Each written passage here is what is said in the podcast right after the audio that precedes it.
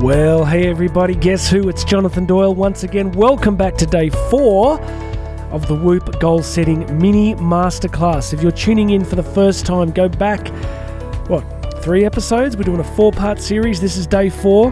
We're talking about the WOOP Goal Setting methodology from Dr. or Professor Gabriele Oettingen. It's a really simple methodology that I first heard of a while ago. I really like it. I think it's uh, useful, helpful, intelligent, uh, and it can really move us forward. So, we've been talking about the other steps. We're going to get onto that in just a minute. Did my voice just go crazy? I heard that too. So, let's press in. Before we get there, could you please do me a favor? Make sure you have subscribed to this humble little podcast. Hit the subscribe buttons, and I would love it if you could leave a review leave some stars wherever you're hearing this. It's a small step, and I hope, um, given the value that I'm trying to bring every day, it would be a huge blessing if you could just uh, make sure you're subscribed and then, of course, leave a review and some stars would be a great blessing to me. And go and check out the show notes wherever you're hearing this because you will find a link to get free access to my book, Bridging the Gap. You will find out how to book me to speak. You'll find out how to jump across to the YouTube videos that are linked to all this stuff. So, all the links that I provide are in the show notes. So, please go and check those out. Today, we are on day four. You ready? We're going to jump in. Over the last three days, we've talked about this W, double OP, WOOP goal setting methodology. W standing, of course, for wish, what it is that we want that's significant for us. What is the wish? What is the different state of being? What is the different state of attainment or accumulation or contribution? no one gets judged on what their wishes are, right? Unless they're really bad and going to hurt people, then we will judge them. We'll judge them very quickly. Um, but of course, we're not that kind of community, are we? We are a group of people who are trying to do useful, beautiful uh, uh, things that contribute to the greater good, build the world, because the way you change the world is you grow two things. You do your own personal development and then you try and sow into the development of others. We do enough of that, we get a very different planet. So the first W is wish. What is it that you want? The second, uh, the first O is outcome? What is the deeper driver underneath that? Go back to day two and check out that. Um, and again, apologies that the audio on those uh, la- the first two episodes was all over the place. We've got all that fixed now. So, outcome. What is the outcome? What is the deeper driving state underneath your wish? Because once you attain the thing, whether it's uh, a Nobel Prize, an Academy Award, a brand new Ferrari, a house in the French Riviera, who knows, friends, whatever it is that your wish is once you attain it, you will discover that underneath it was something else a feeling state, connection, intimacy, love, relationship, excitement, joy, contribution, all these important human experiences that lie underneath the attainment of our dreams and goals. Think about it. You know, think of here's a random example. Think of the Wright brothers, right? Flying their first plane at Kitty Hawk, opening up an entire new uh, era in human history, right? I don't think that they said to themselves that their entire wish was to, you know, really just get this thing to fly. Because I'm sure that when it did fly and they'd experienced it, they're like, that's amazing, we did it. But underneath it would have been this incredible sense of what? Achievement. The deeper goal was achievement. The deeper goal was contribution. The deeper goal was excitement and, and a place in history. So, it's not enough for us to just have wishes. Underneath them, we need to know the outcomes. And yesterday, we talked about the obstacles.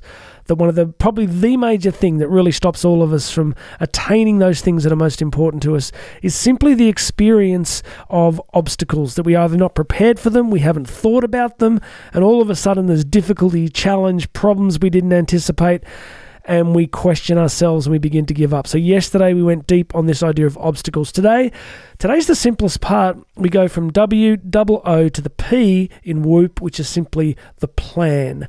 We want to talk a little bit today about making a plan. When the obstacles come, we need to be clear on what the plan is.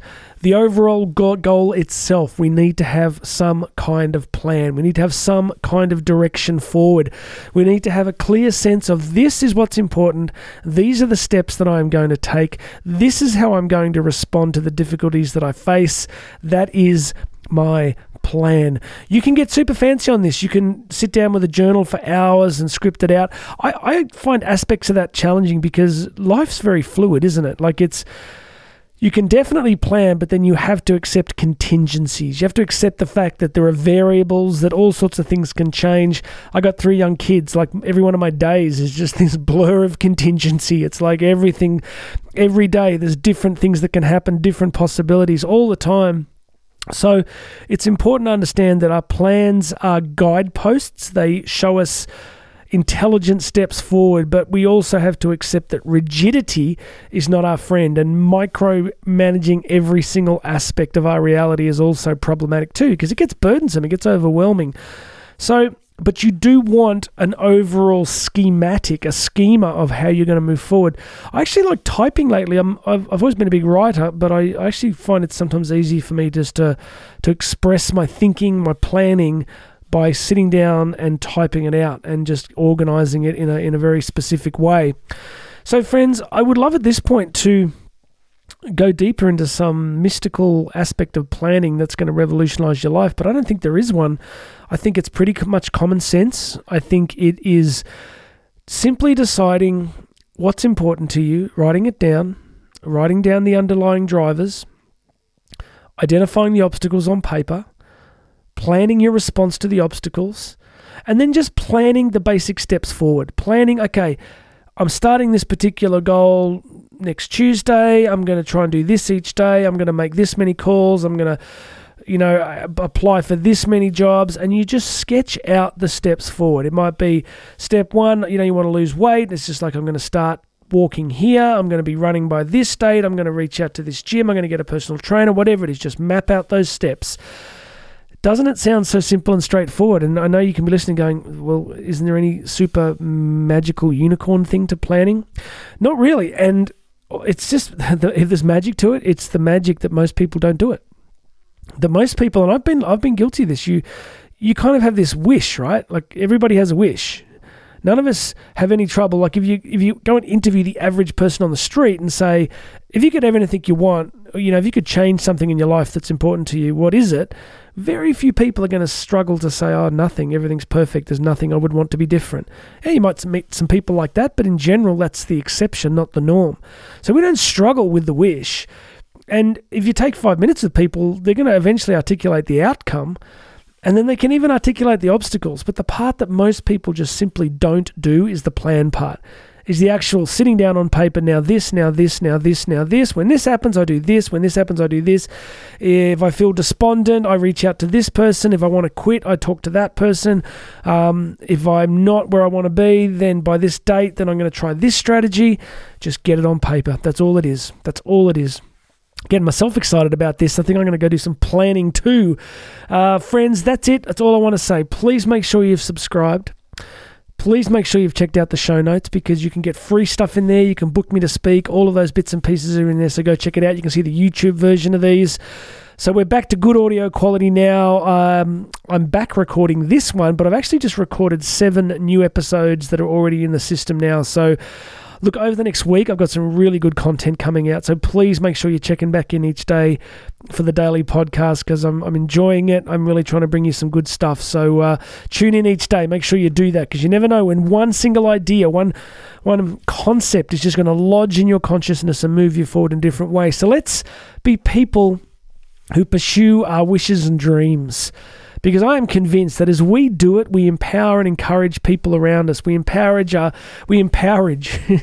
That's the conjunction of empowering and, and encouragement, empowering. I'm, I'm going to copyright that, trademark it. Uh, everybody, I'm here to, what, what did I just say? In, in, in empowered you? Who wants to be empowered? Um, we all do. I know I do. So, I just think that as we pursue these meaningful things, we come alive. We come alive, and our energy and enthusiasm and our struggle and our resilience and our toughness inspires and elevates all those around us. Um, for all my many mistakes, you know, I, I, really do look at my kids at the moment and see in them. Uh, yeah, sure, plenty of probably of my failings, but I begin to see in them some of the resilience and toughness and and energy and focus that um, that at least I've tried to model as best I can. So don't forget that as you do this work, you are going to have an audience. That audience could be your kids, it could be your, your spouse, your boyfriend or girlfriend. As I always say, if you have a spouse, you shouldn't have a boyfriend or girlfriend. Just to clarify, but wherever, whatever state you're in in life, right, whatever. Wherever you are, it could be your colleagues, your work friends, just your, your close friends. That as we really step up in life and move forward, we do You know, what is it? A rising tide lifts all the boats. As our tide rises, we, we often encourage those around us. So don't write this stuff off. Articulate your wish, identify the outcomes, be conscious of the obstacles, and go and build your plan. All right, everybody, God bless you. Please make sure you've subscribed. My name is Jonathan Doyle. This has been the Daily Podcast, and you and I are going to talk again tomorrow.